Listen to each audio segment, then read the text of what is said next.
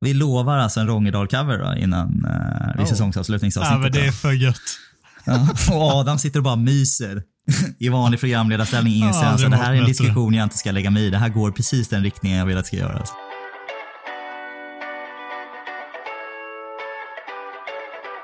Can Manchester United score? They always score. Rooney! Oh, wonderful! It's Berbatov!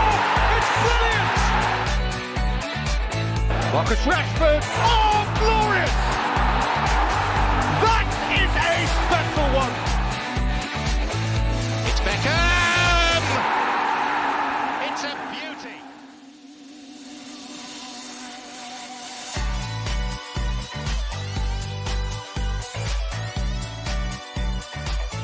God morgon, förmiddag eller kväll när du än lyssnar ska du känna dig ruskigt välkommen till ett nytt avsnitt av United-podden. Podcasten som du inte visste att du längtade efter. Unitedpodden görs i ett stolt samarbete med både den officiella supportklubben MUS och United-redaktionen på Svenska fans. Unitedpodden är tillbaka och inom kort Manchester United lika så. Med den alldeles för underbara nyheten i ryggen välkomnar vi för 251 gången i rad Micke Martinsson in i veckans avsnitt. Hur bra är läget med stand-in programledaren? Ja, men det känns lite ovant att sitta på den här sidan nu. Jag börjar få smak på det där. Men, eh, ja, men det är en riktig observation. Eh, vi pratar ju, vi har nämnt det här tidigare och senaste SOM-undersökningen bevisar också det att eh, jag har högst förtroende i den här podden och det är ingen överraskning. Så det känns naturligt att, att jag är med för 257 gånger i rad. Det största modeordet ute i fotbollsvärlden just nu och de senaste åren är ju kontinuitet. Du är fan ansiktet utåt för det i United-poddens sfär. Ja, men så är det ju. När, eh, när vissa inte kan leverera riktigt på kontinuiteten så får man ju helt enkelt eh, vara fundamentet då, tillsammans med dig Adam, får jag ändå säga. Ja, jag har ju velat ha på mig den hatten, men jag har ju varit frånvarande lite för mycket det senaste. Och då har du fått kliva in där och nu ropar ju alltså alla United-poddens lyssnare unisont efter att placera dig permanent bakom programledarspakarna. Äsch, det får andra avgöra. Ja, det var, det var fint sagt av dig. Gustav Kulle då, chockade oss totalt och är kvar i London för andra veckan i rad, eller var befinner du dig? Ja, det är jag faktiskt. Så det är en sån här liksom, riktig unicorn moment här borta faktiskt. Sitta här i London och det är... Nej, men det är otroligt att få göra det här med två stycken programledare idag. Känner jag det lite. Jag tycker Micke har börjat bli lite av poddens kanske Vote Veghorst här. Liksom börja som nia och sen när den riktiga nian kommer in får han gå ner på tia. Och alla vill att han lämnar i sommar liksom. Så det, det är väl Micke liksom. Alla alltså? Ja. ja, men så är det väl. Riktig utility player som vi känner att, ja ah, men kan vi få någon billigt? Ja, kan vi få honom billigt så kanske han får stanna en säsong till, liksom som tredje, tredje alternativ. Det, det är där vi har det mycket. Vad, vad tror vi Gustav, kan vi få något schysst bud från Lelle Kings knä på uh, Micke Martinssons uh, tjänster? Ja, men det kan jag tänka mig. De är bästisar de där, är de inte det? Ja, jag får börja prata så här då. Välkommen till eh, Ladley Kings knä. Idag ska vi prata om eh, hajkboken. Starkt ändå. Ja, det är oprovocerat det... går han in i sina, sina imitationer tidigt. Det är bra. Han det går tre minuter av podden innan Micke gjorde första imitationen. Det är starkt. Det är starkt. Ja, jag har faktiskt, jag måste säga, jag har sovit katastrofalt dåligt här i en veckas tid eftersom jag vet att jag gjorde ett, eh, ett kardinalfel här i, eh, ett faktafel. Jag gjorde en Micke som vi kallar det, ett faktafel i förra Johnny veckan. Bråttom. jag påstår att Johnny Bråttom eh, var Johnny Ekström alltså. Så jag har blandat ihop Johnny Ekström och Johnny Rödlund i mitt Postnan och Betis-quiz eh, här, vilket jag äh, grämmer mig över otroligt mycket. Alltså, så Johnny Rödlund har aldrig spelat i Real Betis, men det gjorde Johnny Ekström och Johnny Ekström har aldrig spelat i Manchester United. Så det var ett riktigt jävla superklavertramp och då sover man dåligt. Och nu kan jag inte heller äta den där jävla den här jordgubbskrämen från Ekström heller utan att man ska kunna gå och tänka på Johnny Ekström hela dagen. Och det där brukar jag tycka var jättegott. Så det är liksom ett sånt jävla jättejobbigt har det varit. Barn älskar Ekströms. ja, inte jag. Det gör jag inte. Jag hatar Ekströms nu. Så är det. Ja, Musse Micke Österdahl var ju inte sen, vilket jag älskar på att eh, påpeka ditt, eh, alltså som du själv sa det, kardinalfel. Ja, jag hade, jag hade redan klurat ut att jag hade gjort fel och jag bara väntade på att så här, hur, hur woke eh, lyssnare har vi här liksom. Och det har vi ju. Så kudos till er där ute då som är så snabba på att plocka upp när vi har fel. För mina, mina poddkollegor däremot satt bara och nickade och sa att ja men så måste det vara. Det låter allt stämmer här. Här får man ingen hjälp inte. Inget kritiskt tänkande för fem öre och de nötterna. Det är, ja, det är tur att jag är tillbaka här och får styra upp saker och ting. Så känns det. Men du då, vad har du hållit på med då när du håller på att är borta hela tiden, Adam? Vad är, vad är det som är viktigare än att spela in United-podden? Ja, det är väl eh, ett, ett jobb då är väl eh, det som eh, jag skyller på. Men det, det, det har faktiskt varit jättemycket jobb nu och det kan bero på att det är en viss eh, allsvensk och superettapremiär som hägrar här och det har jag fått göra mycket och det tycker jag är jävligt roligt också så det är absolut ingen klagande men det är jävligt trist att inte kunna få det traditionsenliga kötet med er också. Så det, det känns jävligt skönt att vara tillbaka, det, det ska gudarna veta. Med det sagt så fan, förra veckan så hade jag den här klassiska mancall-grejen i 24 timmar där jag låg och tänkte på hur gött det egentligen är att vara frisk och varför man inte är eh, mer tacksam för det när man väl är frisk. Så med det, liksom när jag kom ur det efter 24 timmar, det var inte värre än så, så kände jag bara att livet kom tillbaka och eh, nu mår jag fan med bättre än någonsin tror jag. Hur länge har den glädjen hållit i sig? Liksom? Den här nya uppskattningen för livet. Liksom? Höll den i sig en hel vecka? Som är nu? Nej, du har inte gått en vecka än, men ändå fyra dagar och det är still going strong där. Så jag räknar med en stor jävla kraschlandning snart, men förhoppningsvis så klarar jag helgens aktiviteter först och sen så kommer den rätt ner i stupet. Det börjar låta som Mackan nu. Ska vi, ska vi riva av en väderprognos nu i Mackans frånvaro? För det känns som att han kan ju inte inleda ett enda uppsnack utan att det ska in någon jävla väderprognos. Ja, det är fan. Det är, det är två meter snö ute. Jag kan inte slå med golfklubban. Det är för jävligt. Helvete. ja, den ska han ha. Den ska han ha. Ja. Vädermackan. Ja, den är faktiskt helt otrolig. Vädermackan som inte är på plats ännu för att han tydligen eh, kopierar Gustav Kulle och åker till Spanien imorgon. Otroligt faktiskt. Ja. Ja, titta på det, jag trodde att det var något vinnande koncept. Ja, det, det är han fan värd. Ja, det, det får vi ge honom. Han ska tydligen spela golf helt oväntat va? Nej, ja, då får vi någon jävla rapport från det. Golf och, golf och väder-content från Mackan i nästa vecka då. Kul. Vi enas om att vi inte... Han kommer ju sitta, han kommer sitta liksom... Eh, han kommer ju sitta på stolen och bara hoppa liksom för att han vill att vi ska fråga honom nästa vecka hur det var i Spanien och hur mycket golf han spelar. Ska vi bara komma överens om det nu att vi skiter i att fråga honom det. Ja, och svarar han så klipper du bara bort det. vi kan ställa frågan så kan vi uppmuntra alla våra lyssnare att spola fram 15 minuter nästa avsnitt så behöver ni inte höra den skiten sen. Så kan vi gå rakt på Talk of the Town eller på senaste matchen. Ja, och jag tycker att vi fan gör det nu om inte annat går rakt på Talk of the Town.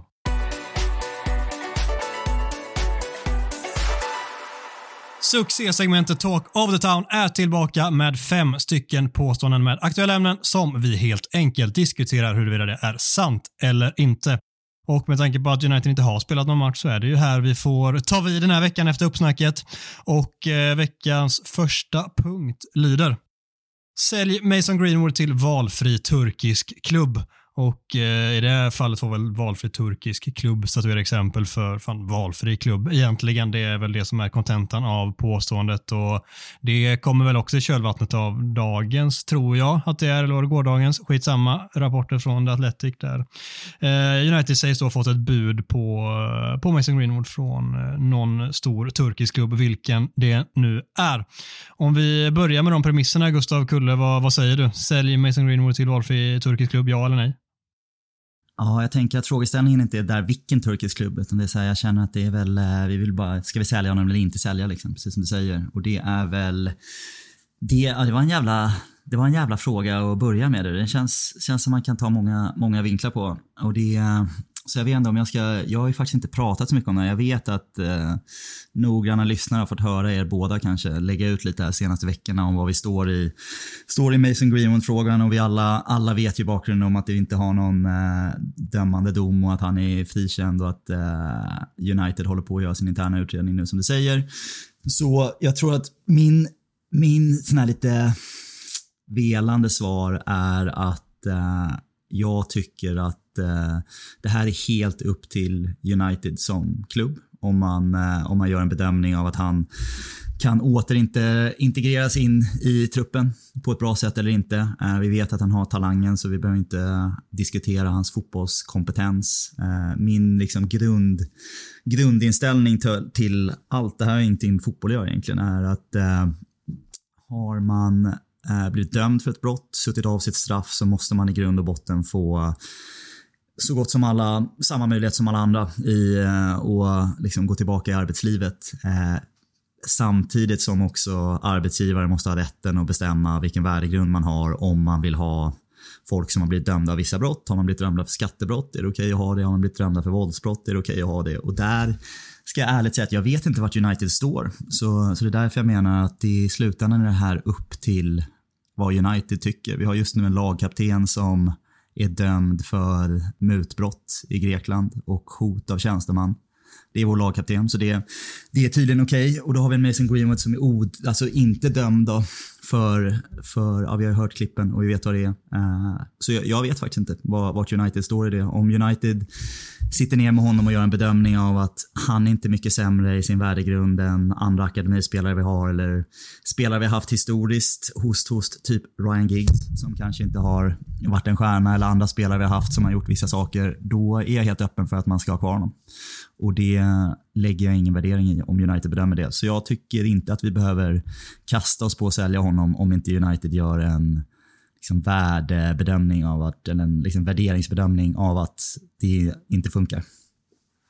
Så där blir mitt lite nekande svar. Min, min take på det, här, jag har ju redan, redan sagt det, men eh, jag vill bara först stanna upp och på tal om The Athletic eller på tal om alla andra källor ska man undra, vad är status egentligen eh, kring hela den här historien? Eh, är de ihop igen? Är hon gravid? Eh, är det påhittat? Är, liksom, är det egentligen ett avsnitt av någon Läckberg-såpa vi har bevittnat? Eh, vad heter det där? Strandhotellet eller något? Det känns som eh, en riktig överkryssad getingsåpa vi har fått bevittna. Alltså jag väntar fortfarande på att någon kan bara berätta vad, vad, vad det är som faktiskt har hänt. Eh, först då så känner jag att jag kan ta ett, ett ordentligt liksom, beslut. Jag måste säga att eh, jag gör inte mina bedömningar vad som rullar på nätet, utan jag vill höra från hästens mun vad, vad är sant. Och sen som Gustav var inne på, utifrån det, vad gör Manchester United för bedömning? Oavsett sanningshalt i, i den här soppan så ja, det känns, ska man summera det, känns som man, kommer du ihåg det här gamla spelet Bass som man spelade? Ni för, eh, Adam är för ung, men jag känner mig för ung. Jag har inte ens hört talas om det. Vad är ja, bass det Gammalt fint tv-spel när, när Felix Herngren var eh, voice-over till, till hela spelet. Och I alla fall i det här spelet så fanns det en, en programpunkt. Eh, det är ett frågesportspel då, för er som inte vet. Eh, fan, man klickar man på en knapp där när man ska svara? Eller? Ja, ja man ska fan, bassa man, och så får man får man ah. ordet. Och sen, eh, och sen fanns det en, en, en, en specialare, när man, det var en bomb som man skickade mellan motståndarna. samtidigt som du svarar på någon klurig nutidsorienteringsfråga. Liksom, och det gällde att skicka den i rätt ögonblick så det inte sprängdes i ansiktet. Och det känns lite grann som att United håller på handskas med den här Greenwood-bomben nu och i rätt läge så skickar man över honom till Basak Shehir eller någonting, Erdogans klubb. Det känns som att eh, de skiter, de har ingen värdegrund överhuvudtaget där, så det vore väl lämpligt. Ja, jag, jag stöttar ditt förslag Micke. ja, var, varning för smalt i dina referenser och det älskar jag Micke. Alltså, där, där är du som ja. bäst. Titta, du fick beröm av Gustav precis. Ta åt dig. Ja, noterat. det klipper vi bort sen. Adam, vad tycker du då? Nej, men eh, jag står eh, på Mickes sida. Jag, alltså, och, eh, vi har pratat om det och det känns bara som att om jag börjar prata allt för mycket så blir det två, två timmar snack om det här nu igen. Liksom. Och jag vet inte riktigt om vi ska öppna den dörren idag igen, men jag står kvar vid att jag tycker att det är för kontroversiellt, för problematiskt att öppna dörren för Mason Greenwood tillbaka in i Manchester United egentligen oavsett vad, som, vad det landar i nu för att det är ett sånt jävla tryck kring honom, allting kring runt detta att det blir ett problem för United alldeles oavsett vad, vad man kommer fram till. Så det allra bästa är att göra sig av med honom och eh, då är det väl typ Turkiet som känns som eh, ett, en lämplig destination i så fall. Så jag eh, kortrandigt säger att jag tycker att det oavsett är läge att eh, skicka honom när läget uppstår.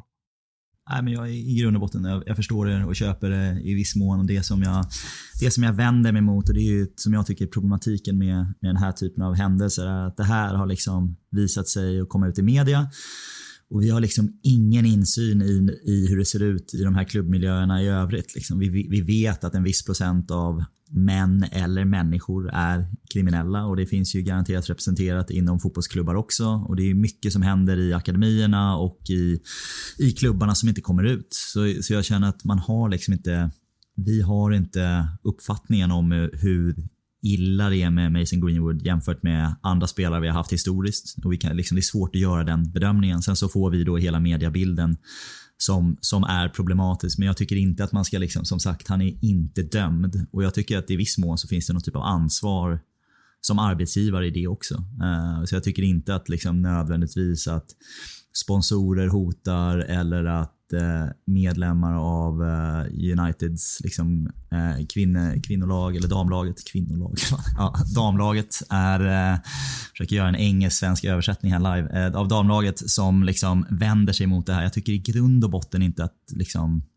det ska vara den avgörande faktorn i, i slutändan. Sen kan man fortfarande bestämma att man ska part ways och jag har nämnt tidigare att jag är tveksam på hans professionalism. Och det är, jag tycker det är mer där det ska handla om. Om man tror att han han har rätt psyke, rätt, rätt kvaliteter som, som eh, fotbollsspelare och person. Eh, att representera Manchester United och göra det bra. Då tycker jag man ska stötta honom och åter, återintegrera honom in i truppen. Men den bedömningen har jag väldigt, eh, väldigt svårt att göra. Eh, så eh, jag, jag, är, jag är ambivalent. Det kan gå åt vilket håll som helst. Jag kommer inte ställa mig på barrikaden och skrika om United gör bedömningen att han är tillräckligt bra för att återanpassa och få in i, få in i truppen. Jag, jag vill fylla på igen och säga liksom att eh, United kan ju inte, oavsett, vi säger att de kommer fram till det beslutet som du är inne på Gustav, och de bestämmer sig för att återintegrera, för övrigt ett eh, speciellt ord att använda i det här läget, men även om det är precis det som måste göras så tänker jag att okej, okay, de kommer fram till att han ska in i laget igen. Då måste man, det måste finnas en story. Du måste liksom berätta för alla, för annars kommer fansen aldrig att acceptera det här. Och Då måste alla sidor komma fram. Då måste man förstå vad var det som hände. Eh, eller om man då väljer att bara, nej men det är en utredning har gjorts och den kom fram till det här. Det kommer inte att räcka. Eh, så De måste konstruera någon form av story som håller.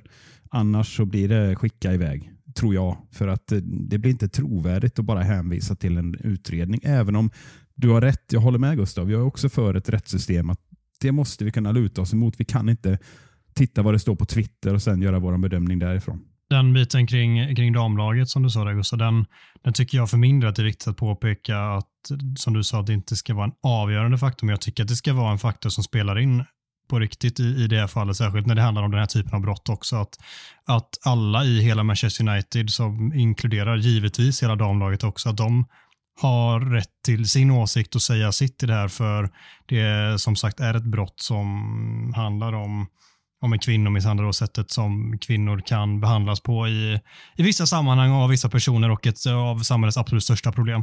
Så där tycker jag det är jävligt viktigt att de ska få säga sitt och att det är någonting som tas i beaktning. Men det är klart att inte det ska vara avgörande i slutändan. Nej, men jag har, jag Bara för att förtyd, för, förtydliga här dam, damlaget eller individer i damlaget har inte uttalat sig utan ni pratar om ett, ett hypotetiskt, eh, en hypotetisk situation. Att de skulle uttala sig. Eller få en, jag tror att det, men det kanske bara är ryktesvägen. Det är ingen som har gått ut officiellt va? men det har väl nämnts att det har muttrats från, från damlaget. Eh, att man mm. inte vill välkomna tillbaka Men det är nog ingen som har gått ut med namn eh, och officiellt Nej, utan det, det, är rapporter från en Athletic-artikel detta och även tidigare rapporter och så. Men det, det, nej, det finns inget officiellt uttalande nej. Nej, och det är precis det här jag menar. Alla kort måste upp på bordet. Det funkar inte att köra på källor och någon sa och vem som helst och viskleken. Alltså nej, upp med allting på bordet. Det tycker jag.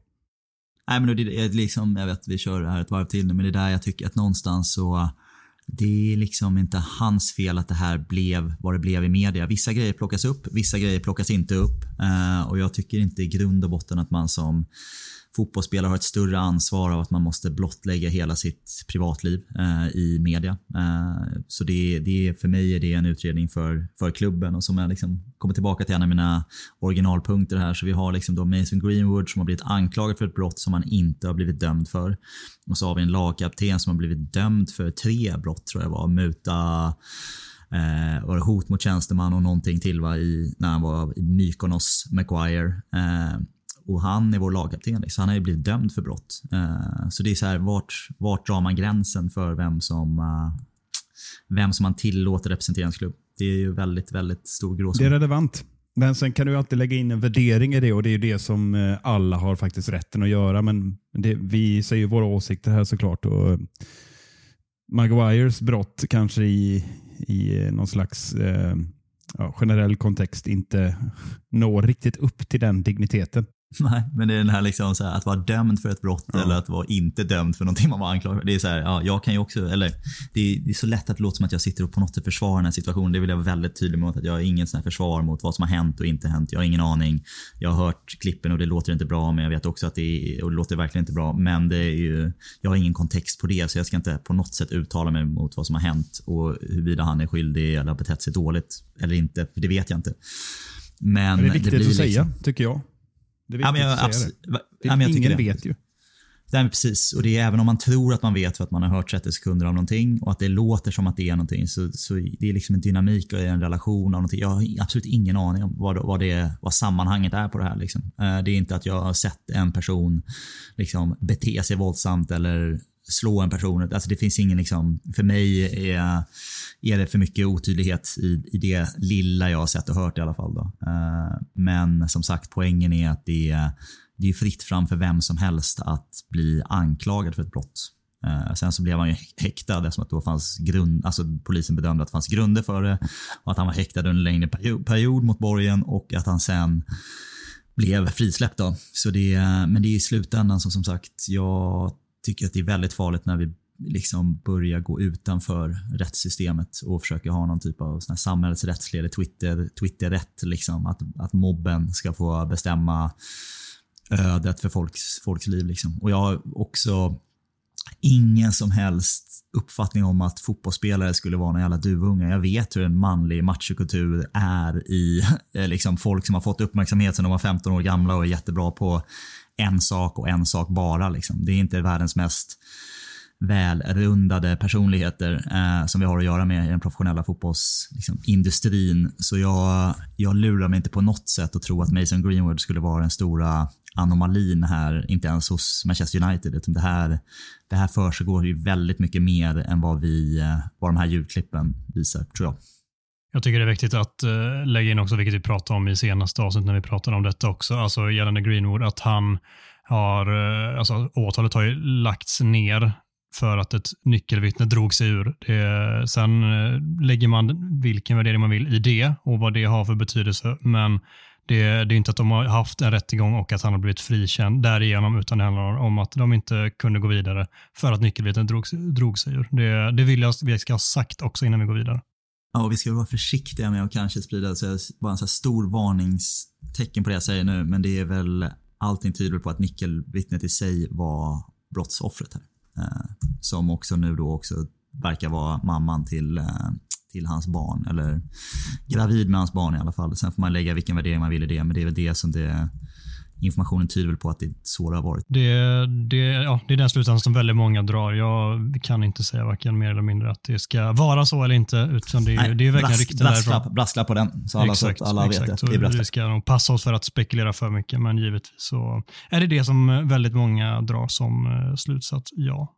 Så är det. Men det är, vi, vi, vi rundar den då. Tar, nu går jag in här. Här sitter två programledare. Jag går in och tar programledarrollen här tänker jag. Då sa alltså Micke och Adam eh, att ändå så här, sälj, bli av med problemet och jag känner att eh, jag tycker inte att vi behöver slänga iväg honom innan vi har gjort en intern utredning. Eh, så gör vi en sån här swoosh, swoosh och så går vi in i nästa punkt.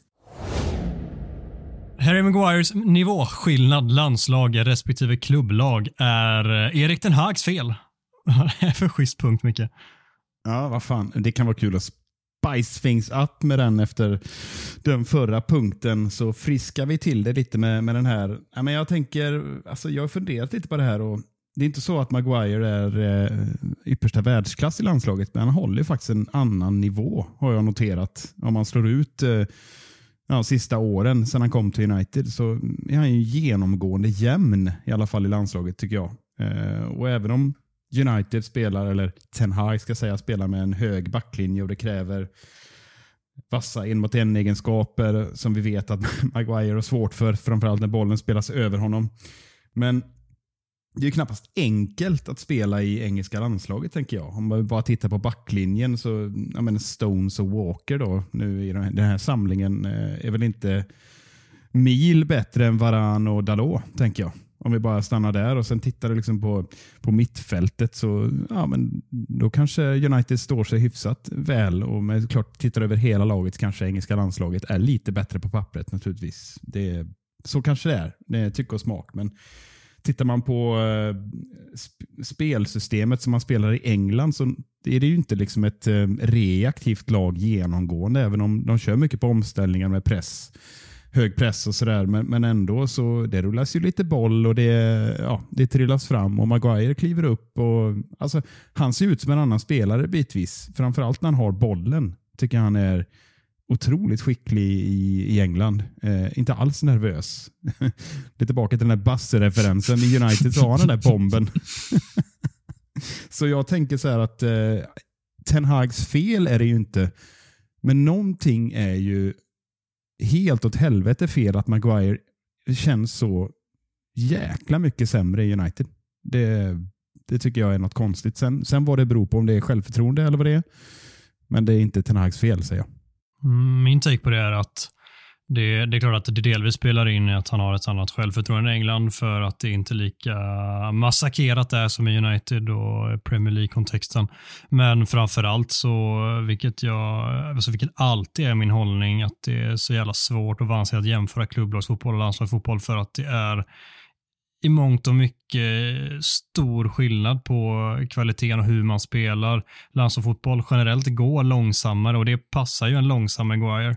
Och Eh, därför tycker jag att det är en stor anledning till att han ofta ser väldigt mycket bättre ut i, i England. Sen möter han ibland liksom bättre spelare, till exempel ett Frankrike där de har de här absolut bästa spelarna, men det är också väldigt, väldigt sällan och i de andra matcherna är de jättefavoriter när de inte möter de allra, allra största och det är eh, så pass stor skillnad på de spelare han möter och hur väldrillade den typen av lag är i landslagssammanhang. För du har bara en, eh, en vecka eller två på dig under en väldigt koncentrerad tid där du ska liksom få ihop en taktisk så det blir mycket taktiskt enklare fotboll i landslagssammanhang vilket gör det något enklare att spela där också. Jag tror att det, det är en stor förklaring till det tillsammans som att han kommer liksom utanför Hetlöven på ett annat sätt när han kommer till landslaget. Känner tryggare och bekvämare. Ja, jag sitter med min imaginära post-it note här och stryker över alla mina punkter av allt jag ska säga när jag sitter och lyssnar på Adam här. För det är precis två, två av mina huvudpunkter slår och snor, snor precis. Så jag tycker precis det här du säger med tempot och kvaliteten i landslagsfotboll. Eh, betydligt lägre, eh, passar Maguire bättre. Eh, och just det att han inte alltså så sällan möter riktigt bra motstånd. För det är alltså i Premier League, vi vet att det är bara samlingen av individuellt och kollektivt bästa spelarna och lagen och anfallen i, i världen. Eh, vecka ut och vecka in. Och det går fort och det har han det klarar han liksom inte av att hålla den höga nivån. Men när man möter Bulgarien, Skottland, Moldavien, Ukraina Eh, i 80 procent av sina matcher eh, så är det liksom, han kan bygga i lugn och ro ett helt annat självförtroende där. Och han har fått, med all rätt, så har han fått ett stort förtroende av Southgate för han har gjort det bra. Eh, och han känner det förtroendet och det hjälper förstås i hans prestationer också. Men eh, vad var, vad var påståendet här att det var Ten Hags fel att eh, Maguire inte presterar bättre i United? Det är det verkligen inte. Utan det är ju Maguires liksom bristande kompetens som fotbollsspelare och människa och individ på alla plan. Uh, som sviker honom. Total eh, roast.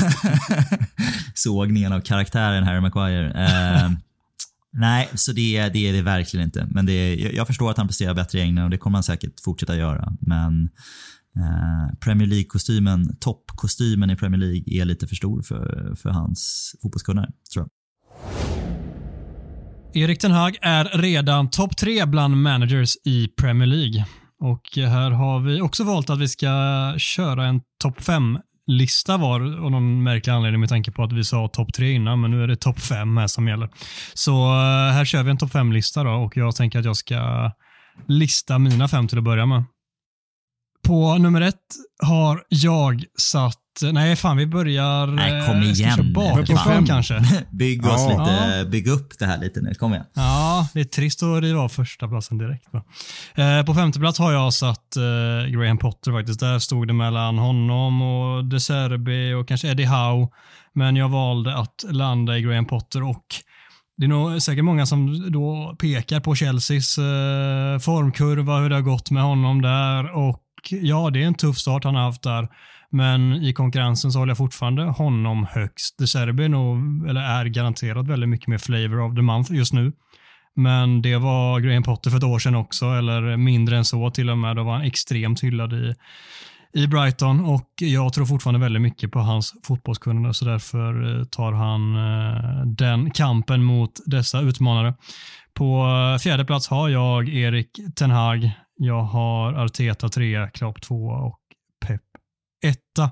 Och eh, Micke, kom in här. Säg, säg ditt om min lista och eh, du kanske har bytt ut någon där i din egen. Ja, det har jag ju såklart. Eh, Det, jag utelämnar en av dina topp fem-val där helt och för in en annan istället. Ja, men De Serbi har jag satt på en, på en femteplats för jag tycker det är otroligt imponerande det han har gjort. Eh, en del för ju fram då att ah, ja, det var ju bara att gå in i Potters väloljade maskineri och eh, exekvera på uppgiften.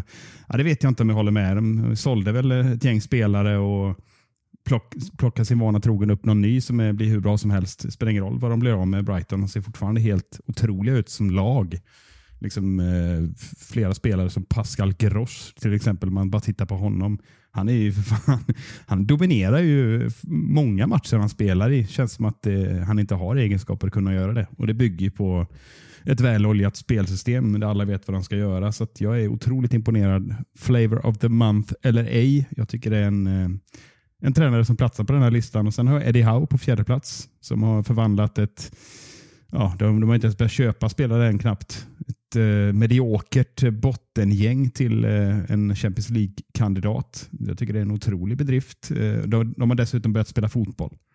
Det kunde de inte under Steve Bruce och de andra kebablirarna de hade som styrde rodret. Så där har jag Howe och Erik Ten Hag på en tre, Kebablirarna. tredje plats. Men Steve Bruce älskar kebab. Well you know. Men Ja. eh, tvåa Arteta och etta Pep. Klopp platsar inte på den här listan. Han har eh, Vänta nu, sa du Eh, tredje offer. platsen nu? eh, Ten Hag. Du får vara, beredd, får vara med på mina snabba övergångar. Okej. Eh, Arteta 2, Pep 1. Klopp platsar inte. Han är på offerkoftlistan istället. Eller utelistan som det hette för.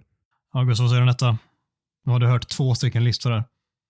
Ja, nej, men vi, har, vi har ganska mycket samsyn här. Jag ska slänga in ett, ett namn som vi inte har diskuterat, men framförallt här i de här, de här första, liksom, fjärde och femte, femte platsen har jag resonerat lite samman som er. Jag, jag föll för De Serbi istället för Potter, men det hade ju verkligen kunnat vara hugget som stucket. Jag tycker Adam motiverade det, eller du motiverade det tydligt. Uh, så det är ju ganska hugget som stucket. Jag tycker Eddie Howe absolut på en fjärde plats. Jag, jag, jag känner i alla fall att när jag, när jag bedömer fotbollstränare så tittar jag egentligen bara på ett attribut och det jag försöker fråga mig själv på de spelare som de har till sitt förfogande. Eh, får de dem att prestera på en bättre nivå än vad jag tror, eller på liksom sin högsta nivå eh, där de kan vara? Eh, är det lite sämre än vad, de, eh, vad jag tror att deras bästa nivå är eller är det på ungefär den nivån som de kan vara? Och det, det är liksom det blir svårt att jämföra tränare för tränare eftersom alltså man annars har ju helt olika trupper. Och där kan jag tycka att till exempel i sina bästa dagar så har en Jürgen Klopp fått James Milner och liksom Jordan Henderson och se ut som betydligt bättre spelare än vad de är. Eh, Pep Guardiola har haft samma egenskap i Manchester City. Uniteds tränare senaste åren, ja, egentligen i tio år, har liksom fått spelare som vi har sett sen prestera mycket bättre på andra, i andra klubbar att prestera dåligt. Uh, så det är, liksom det, det är mitt bedömningskriterium. Så därför tycker jag att De Serbi och Eddie Howe är femma och fyra. Tredje platsen för mig eh, är Sean Dyke. Eh, och jag vet att det kan, här, kan det, här kan det rynkas på lite näsor, men jag tycker liksom den, det han gjorde i, nu har jag inte hunnit göra så mycket här i Everton, det vet vi, men det han gjorde i Burnley eh, i nio och ett halvt år, tog upp dem, tog dem till en sjunde plats, tog dem ut i Europa, Europa League, eh, eller spelade i Europa League i alla fall. Det är liksom en otrolig jävla prestation med det, med det lag han hade. Att han lyckades hålla dem kvar i Premier League så länge eh, visar att han är en otroligt kompetent fotbollstränare, tycker jag. Så för mig är Sean Dyke trea. Jürgen Klopp tvåa. Eh, Pep Guardiola etta. Så uh, Ten Hag hamnar utanför för mig. Uh, inte för att jag inte tror att han kan bli en, en topp top 3-tränare, men jag tycker inte att han har bevisat för mig tillräckligt mycket uh, i år för att han har en väldigt, väldigt kompetent trupp och en stor budget och liksom världsspelare överallt som han får att spela på ungefär sin nivå. Uh, Casemiro, Varann och etc. Men eh, han har mer att bevisa innan han är där. Och samma för Arteta. Han gör en jättebra säsong nu, men det är inte som att han har under de här tre, fyra åren med Arsenal har varit eh, jätteframgångsrik. Så han har, han har betydligt mer att bevisa också. Ja, jag tycker, ja, fan, det var lite spänstigt. Alltså, jag tycker Arteta har gjort otroligt med det skitlaget. Alltså, det är hatten av. Tycker jag, ja, i, det, i, i, i, år, I år då, tänker du? Ja, jo, men absolut. Han har haft, han har haft, det... han har haft tre och ett halvt år innan där de har kommit liksom femma, sexa, sjua. Ja, uh, vi får ändå erkänna år, att det, är inte jätte, jo, men, det är inte samma plånbok han, som United har haft. Eller nej, men det är ju en bättre plånbok än, än 15 lag i ligan. Liksom. Så är eller det i alla fall, men... Eller i alla fall 13. Liksom. Så det, är ju... det var hårt. Utelämna. Du utelämnar Ten Hag och Arteta på din topp 5-lista.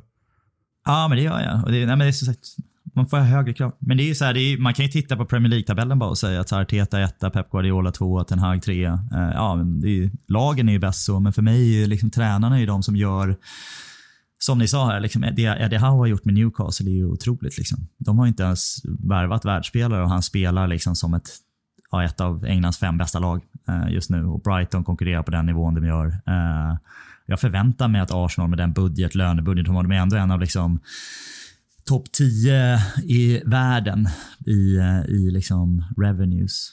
Alltså i, i intäkter. Så det är en av världens rikaste klubbar. Liksom. Topp 10 rikaste klubbar. Så man, jag förväntar mig att de ska ligga topp 5.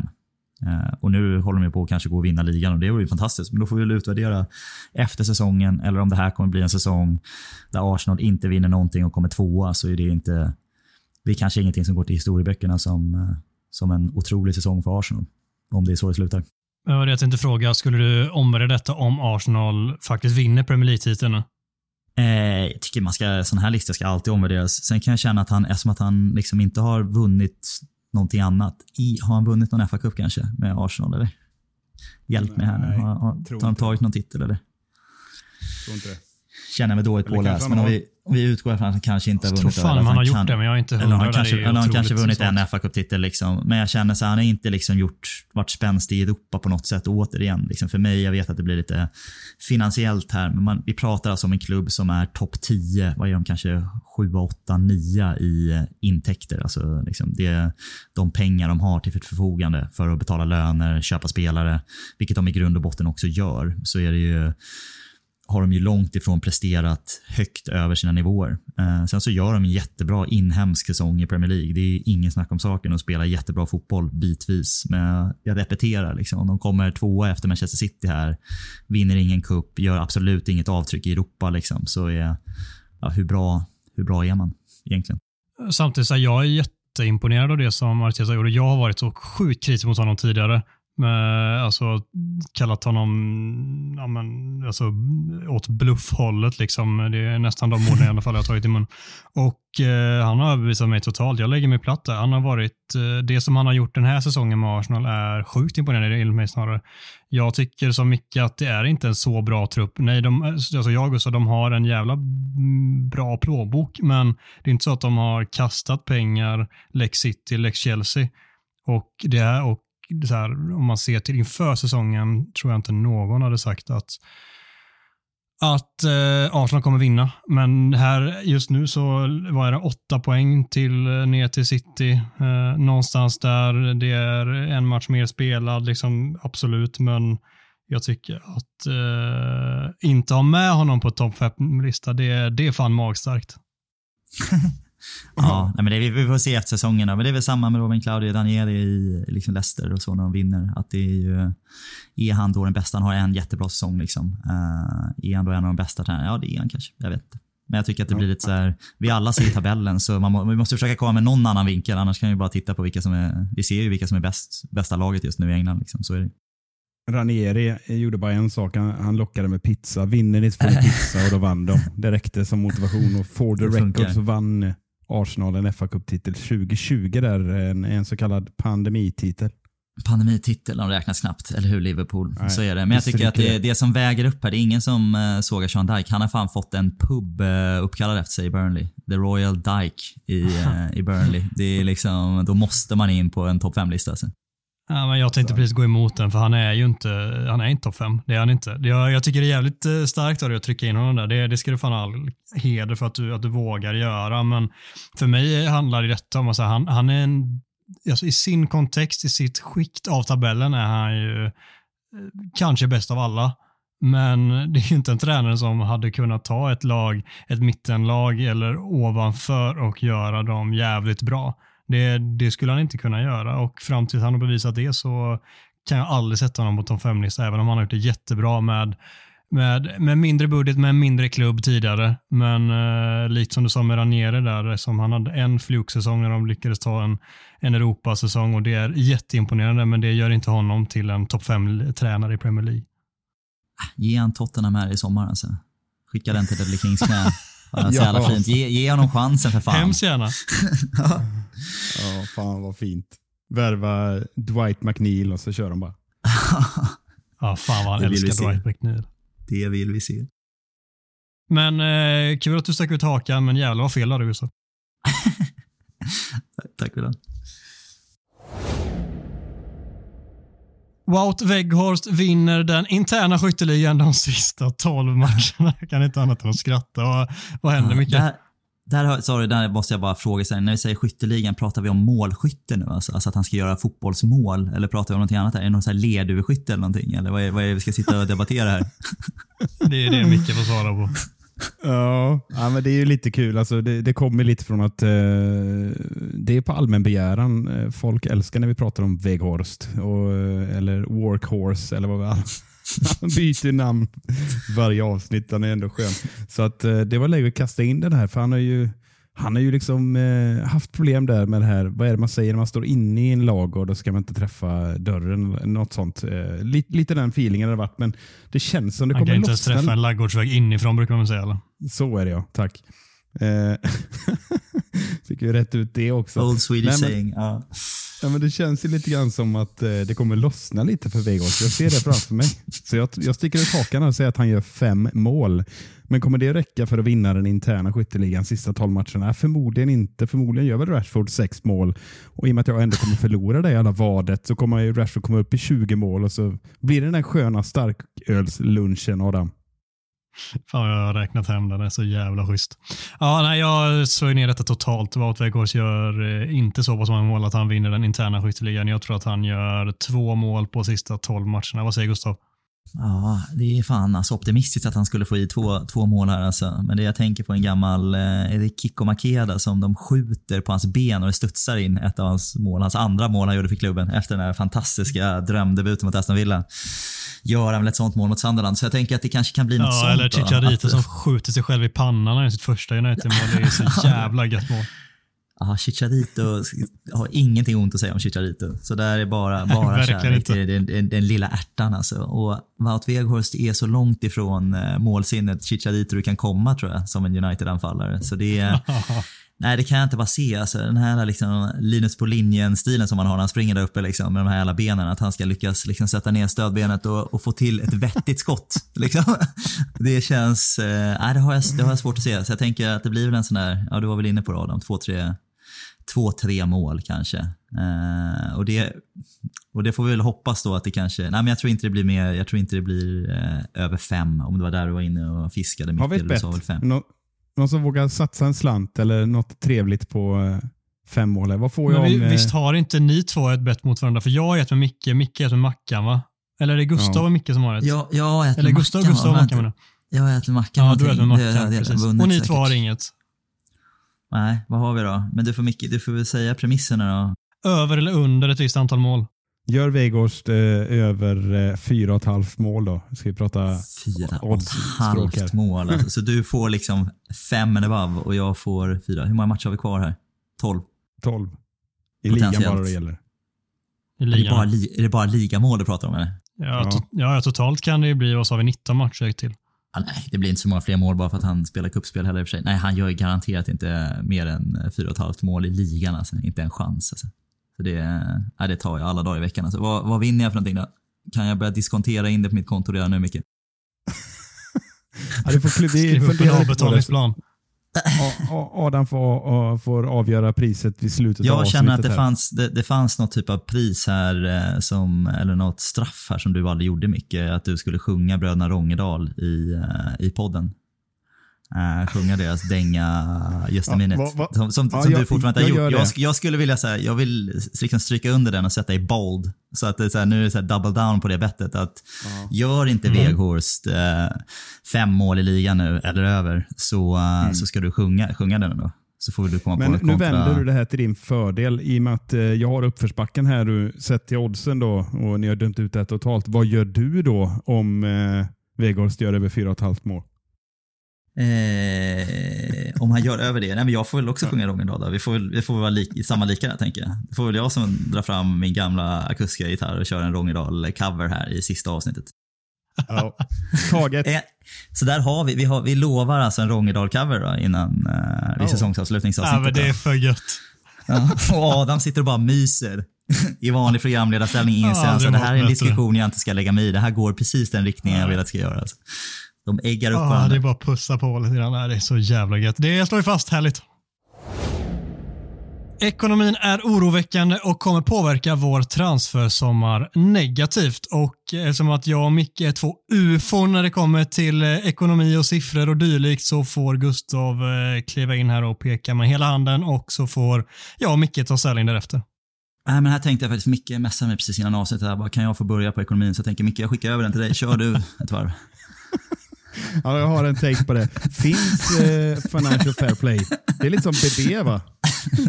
Det känns som att han har hittat på det. Är, det. är det där vi drar slutsatsen? BB kom på det här en gång i tiden. Ja. Kan de vara samma, är det samma person egentligen? FFP och BB, är de, är de samma egentligen? Alltså? Ja, vi slår Ja, fast det är det. oklart. Där har vi den. Finns Financial Fair Play. Ja, tack för det, det starka, starka, vad heter det, contentet som du bidrar Inspelet. med i vanlig ordning. Inspelet letar vi efter. Tack för den. Tack för det Micke. Eh, jaha, då får, då får jag ta den då, A-ekonomi-rollen här. Så vad sa vi? Att, eh, att eh, det blir problem för United att handla i sommar på grund av Financial Fair Play. Adam, var det det som var frågan? Ekonomin är oroväckande och kommer påverka vår transfersommar negativt.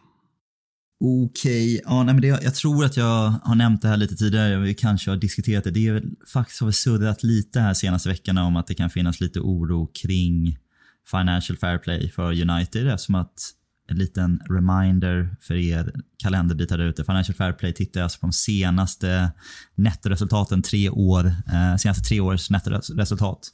Och vi har ju negativa resultat de senaste tre åren. Inte så jättestora, vilket innebär att i grund och botten så måste vi göra något typ av positivt finansiellt resultat i år för att inte bli drabbade i, eh, i hur mycket pengar vi kan spendera. Men det finns ju så, som jag sagt tidigare, det finns så sjukt mycket olika varianter av vad du kan göra med din bokföring.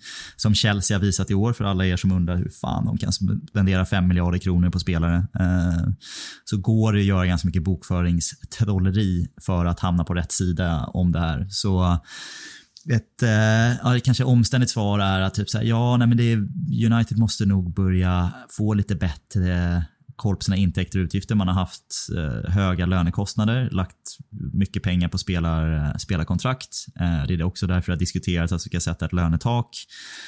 Eh, och vi har nu varit utan Champions League-fotboll igen och det har väl inte kunnat förhandla om vårt sponsoravtal på tröjan med Teamviewer, även om vi fortfarande har de pengarna som kommer in. Så det, det är ju som jag sagt tidigare att vi kan inte hålla på så här hur länge som helst. Eh, men kommer vi drabbas i sommar och inte kunna köpa eller buda på en Bellingham för 110 miljoner pund eller en Declan Rice för 80-90 miljoner eller you name it. Eh, nej, jag har svårt att tro det för att vi kan, vi kan sprida ut det på kontraktslängd och göra bokföring så att det inte ska bli något problem. Det är min, min take på det. Och nu skickar jag gärna över till Micke. Vad, du som har suttit där, vad, vad känner du?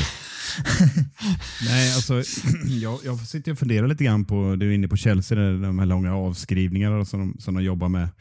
Eh, alltså det är en otroligt stor trupp de har så att man sitter nästan och eh, poppar popcorn och funderar på hur ska det gå? De ska ändå sälja av en jävla massa och det är klart att förutom att eh, skriva nytt kontrakt med låg lön med David de Gea, skicka iväg Maguire med den lönen och förhoppningsvis få 300 miljoner tillbaka från den histor historiska summan.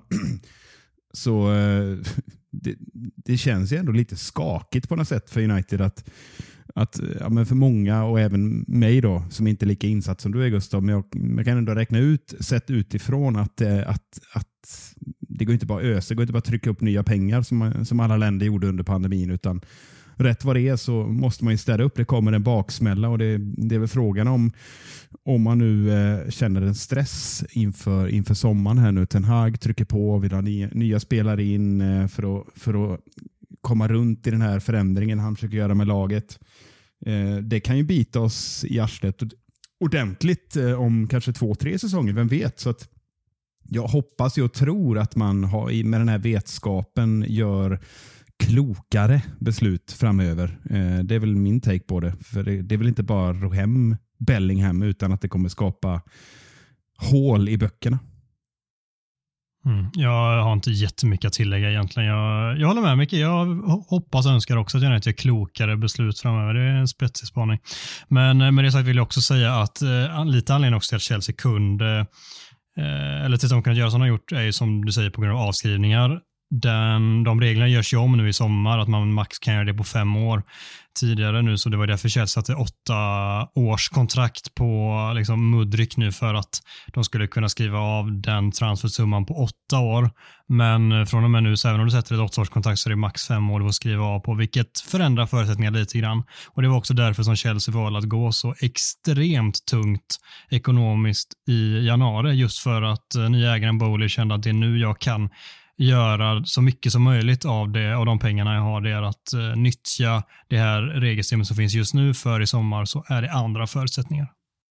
Så är det och Chelsea som jag har nämnt vid något till, tidigare tillfälle också, de, i den här treårsperioden så har de fortfarande Champions League-titel säsong med, med väldigt stora intäkter och en bra nettovinst som de fortfarande kan räkna in i den här liksom, treårs eh, nettobalansen som man måste ha då, inom Financial Fair Play. Och Sen så är det också för om man tittar på Uniteds räkning, de här regelverken ändras, spetsas hela tiden. Premier League har sin egen sustainability eh, rating som man måste hålla sig till också. Så det är liksom olika, olika regelverk som ändras och förhandlas om hela tiden. Så det finns liksom ingen ingen säkerhet i hur de här regelverken kommer tolkas eller se ut om två eller tre år, vilket gör att ägare som Bowley och Glazers och övriga ägare tittar på det här för säsong för säsong. Framförallt att så här, vad kan vi göra i år? Vad har vi för resurser som vi kan trolla med? Och sen så får vi se hur det ser ut om 12 månader. Vad, hur måste vi jobba då? För det finns liksom ingen kontinuerlig långsiktighet, ironiskt nog, då, i det här Financial Fair Play-systemet som då är tänkt ska vara liksom för, för långsiktig hållbarhet. Men det har liksom inte riktigt satt sig än. Så jag tror att alla, alla rika ägare är ganska bra på att trolla med det här. Och så även United. Och min slut, slutpunkt på det är, är att är det något vi ska vara oroliga över är den här ägarsituationen. För att så länge Glazer sitter kvar och inte är helt committade till det, vilket de garanterat inte är just nu eftersom att de uppenbart sitter och utvärderar bud för att sälja sina andelar i United så tror jag inte att de kommer öppna plånboken eh, för att köpa spelare, vilket vi såg i januari då vi bara lånade in spelare. Så skulle det kunna bli så att det drar ut över sommaren här så tror jag att det är större orosmoln eh, än, eh, än Financial Fair Play. Får vi in en ny ägare så tror jag att den kommer vilja, vilja göra ett stort, stor spenderingar redan första sommaren. Så uh, jag är mer orolig för det om någonting. Därav eh, 95-5 till favor för Qatarierna. Om man tittar på engelsk Twitter i alla fall. Det vill jag inte ens ja. prata om, men så är, så är sanningen. Jag har sagt det tidigare, att det är vad folk föredrar.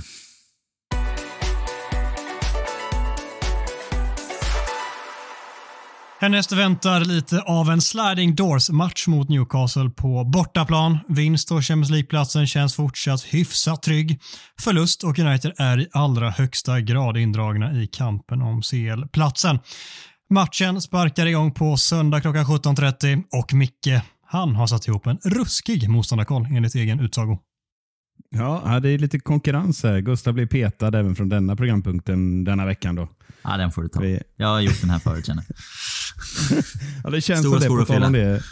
Det känns som att, eh, att det är tredje mötet på fem månader styvt. Och det känns som att vi har mött dem sju gånger i motsvarande period. Men det är dags igen på något sätt. Tiden bara flyger fram. Men Visst, som du är inne på Adam, så eh, senaste matchen vi mötte dem gällde hyfsat också. En ligacuptitel och den vann vi ju. Men eh, det som du är inne på, det är en blytung sexpoängsmatch det här. Det går inte att förringa den på något sätt. utan eh, Det är som du säger, Newcastle går ju om om de vinner med sin enormt mycket bättre målskillnad. och Skillnaden mot att United skulle vinna eh, är ju extrem skulle jag säga. Så att det här är en riktig sliding door. som det är. Vad fina uttryck du använder. En bra film för övrigt.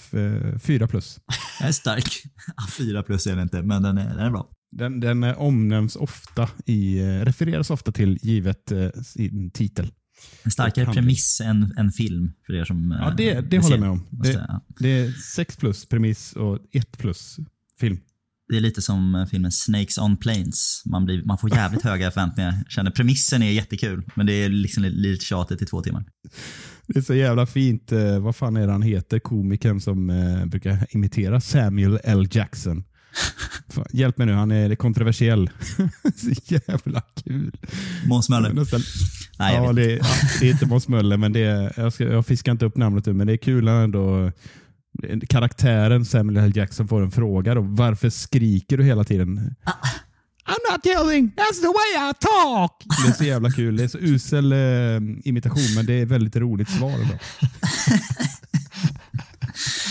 ja, på tal om Newcastle. Ja. På tal om Newcastle. Tillbaka, vad var vi? Eh, nej, men Eftersom det är den 27 motståndarkollen mot just Newcastle i år så känns det som att jag måste förnya mig lite grann här. Jag kan inte tröska fram med, med någon jävla repris här. Tittar vi tillbaka i backspegeln och nu pratar vi hela Premier League-historien eh, på just eh, Skatornas hemmaarena, St. James's Park. Hur har det gått då undrar alla. Eh, vi har spelat 28 matcher. Eh, i Premier League-historien på den arenan. och eh, United stoltserar såklart med en plusstatistik med 15 segrar och bara 6 förluster. Så när Newcastle vaknar till ibland så brukar det bli en snöplig 1-0-vinst. Det får vi inte hoppas att det blir så. Men i övrigt, om man tittar på laget, finns det inte supermycket nytt att tillföra som ingen redan vet. Men det jag noterade är väl att eh, när Isak kom in och eh, spelar som nia så ser laget helt annorlunda ut än när eh, de spelar med, med Wilson där. Eh, det är en tydlig skillnad och han har ju skapat någon slags egen typ av roll, någon slags inverterad nia där han utgår från kanten och kommer in och utmanar och rör till det ordentligt. Så Isak får vi naturligtvis se upp för, men i övrigt så är det ett lite halvt brandskattat lag på förhand vi får se här nu. Det är mycket så här day by day. Eh, frågetecken, men det vi vet är att Emil Kraft är långtidsskadad, även om inte det hade hjälpt oh, Newcastle så mycket. Men eh, Almiron och eh, eh, Gordon, den nya från Everton, är väl ändå två avbräck som de gärna hade sett i truppen. De missar med säkerhet matchen, vad jag har förstått. Och Trion, Bottman, Pope och Sankt Maximinimum, som han numera heter de är, testar sent och klart missar, de, eller missar alla de här matchen. Så då är det ett annat lag som ställer upp. Men då har vi Lasell i backlinjen och Dubravka i mål och Jacob Murphy på vänsteranfall. Eh, Jag menar, det blir ett annat typ av Newcastle, men oavsett så lär det väl inte bli någon enkel uppgift för United.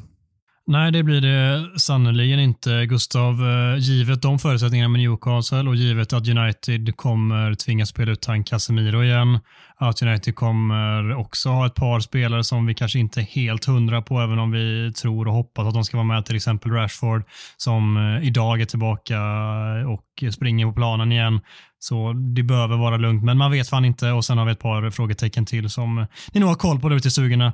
Med de förutsättningarna, hur orolig är du inför den här matchen med tanke på hur viktig vi har kommit fram till att den är? Ja, längden på den frågan du alltså. Det var många ord i den. men det är, det är precis så premisserna är. Det har du helt rätt i. Det är, nej men jag känner att det här är en, en sån här bugg i matchen. Att här, efter, efter landslagsuppehåll så det det känns som det kan, vara, kan bli tufft utan Casemiro. Så jag, jag känner väl inte att vi har fördel tre poäng eh, när vi åker till eh, St. James's. Men det, jag tycker väl att vi, eh, det, det känns som en krigsmatch med, med möjlighet till att komma ifrån med, med ännu bättre resultat. Så, men vi är väl också, det är väl vi som är tydlig vinnare med, med ett kryss här också känner jag. Så det jag tror att vi kanske ställer upp, eh, jag hoppas att vi på något sätt ställer upp lite faktiskt cyniskt med avsikten av att eh, försöka spela till oss den poängen snarare än att göra rycket och ta tre poäng här. Betyder det att uh, firma McFred spelar centralt då för att uh, just göra det, eller hur vill du se det i så fall centralt när Casemiro inte kan spela? Det känns väl inte omöjligt. Nu har inte det varit Ten Hags go-to, utan det är väl tidigare tränare kanske som har kört mer på det. Men annars så, jag gillar ju Sabitzer jättemycket. Nu vet jag att han är potentiellt lite skadad i Österrike och är väl tveksamt om han ska spela eller inte. Och det är väl Ragniks bajsmacka att han ska trycka in honom och köra 90 minuter nu och få en skada på Sabitzer här. Som någon sån här sista liksom, sista jävla skit. All, allt han gjorde för vår, vår klubb redan som det var då. Rangnick alltså. Ja, nej men jag, så jag hade väl helst sett Sabitzer och, Sabitzer och Fred då. Men eh, jag, kan, jag kan tänka mig att se en McTominay som gjorde två mål för Skottland här i helgen. Gjorde han inte det? På typ ja. 25 minuter också. Ja, sena mål också. Han spelar bara 25 minuter, mål. två mål. Målskytt, målskytt Scott, Scott Tomney. Så det är ju... Eh, nej, men så jag, jag, tror att vi ställer upp eh, och kommer spela lite mer cyniskt och det är välkommet. Scott McGoaly mig eller vad sa du att han hette? nej, men eh, nej, fan, jag tror Scott McDominay startar 100 procent. Eh, det är ju dessutom eh, ryktas till Newcastle. Det har varit intressant att se hur han skulle bete sig i en sån match, om det finns någon sanning i det ryktet. Så att jag, jag tror det blir en, eh, en eh, McTominay och eh, Sabitzer hur han beter sig, Scott McTominay. Vad tänker du då? Att om McTominay gör mål mot Newcastle så kommer han liksom inte fira av respekt för sin potentiellt nya arbetsgivare i sommar? ja, det tänkte jag inte. Det var, det var en så kallad Gustav Kulle-övertolkning. Jag förstår inte hur det kunde vara så jävla kul. Jag tänker mest att han eh, gör, en, gör sitt livsmatch. Det är lite det jag är inne på. Ja, så funkar det. För det är ingen som sitter på Y-scout eller tittar på TV. Utan det är så här, nu är enda chansen Newcastle har att titta på han är McTominay. Ja, jag tycker inte det är jätteintressant att se hur han ska agera den här matchen med tanke på ryktet i Newcastle. Men det, det får du såklart tycka mycket. Något annat du får tycka till om är eh, resultatet och vad tippar du där? Nej, här vill man ju bara fega ur med, det luktar kryss som Gustav var inne på, men jag, jag säger så här då, århundradets klyscha, det laget som gör första målet vinner. Jag säger att United gör första och det blir 1-0 till United taget. Gustav, vad blir det då? Du som var orolig och varnade för den här matchen nu. Ja, riktig jävla Hawaii-slänga till 0-0 alltså. Hawaii-matchen slutar 0-0. Fint. Jag säger att det blir 1-1. Jag tror också lite som dig Gustav att det är fan, alltså ett kryss är taget i den här situationen. Allt utom förlust är bra till okej okay och sen eh, får vi väl försöka nypa till oss en trea därifrån men det blir fan med svårt den här matchen med de förutsättningar som vi har pratat om. Det var många ord där som du sa Gustav. ja, nej, är vi nöjda eller? Jag känner mig extremt nöjd faktiskt.